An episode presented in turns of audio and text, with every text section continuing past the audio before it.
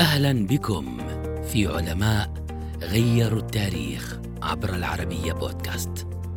صرف مدة من عمره في عمل ميزان يعرف به الغش والعيارة فكسره خازن السلطان وفتت أجزاءه خوفا من ظهور خيانته في الخزانة فسمع بهذا فمرض ومات اسفا هذه الرواية التي ينقلها المؤرخ خير الدين الزركلي وكذلك ظهير الدين البيهقي في كتابهما تاريخ حكماء الإسلام تدور حول عالم أفنى عمره في صنع ميزان لكشف الغش والتلاعب بالأوزان.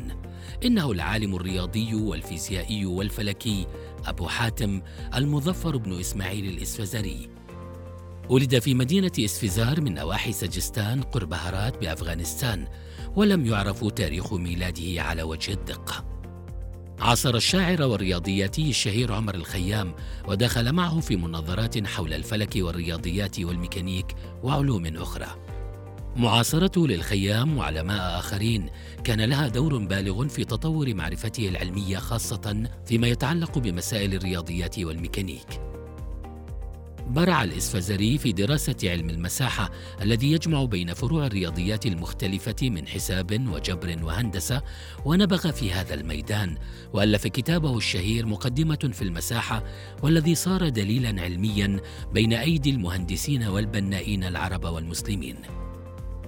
واهتم أيضا بدراسة هندسة إقليدس فاختصرها في كتاب باسم اختصار لأصول إقليدس.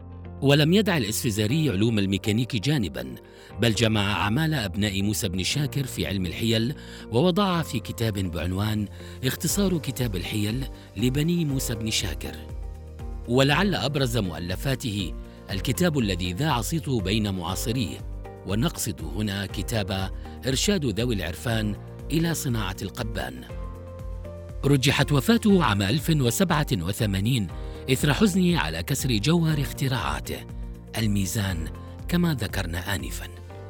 من أشهر أقواله المعلم أب روحاني والوالد أب بشري.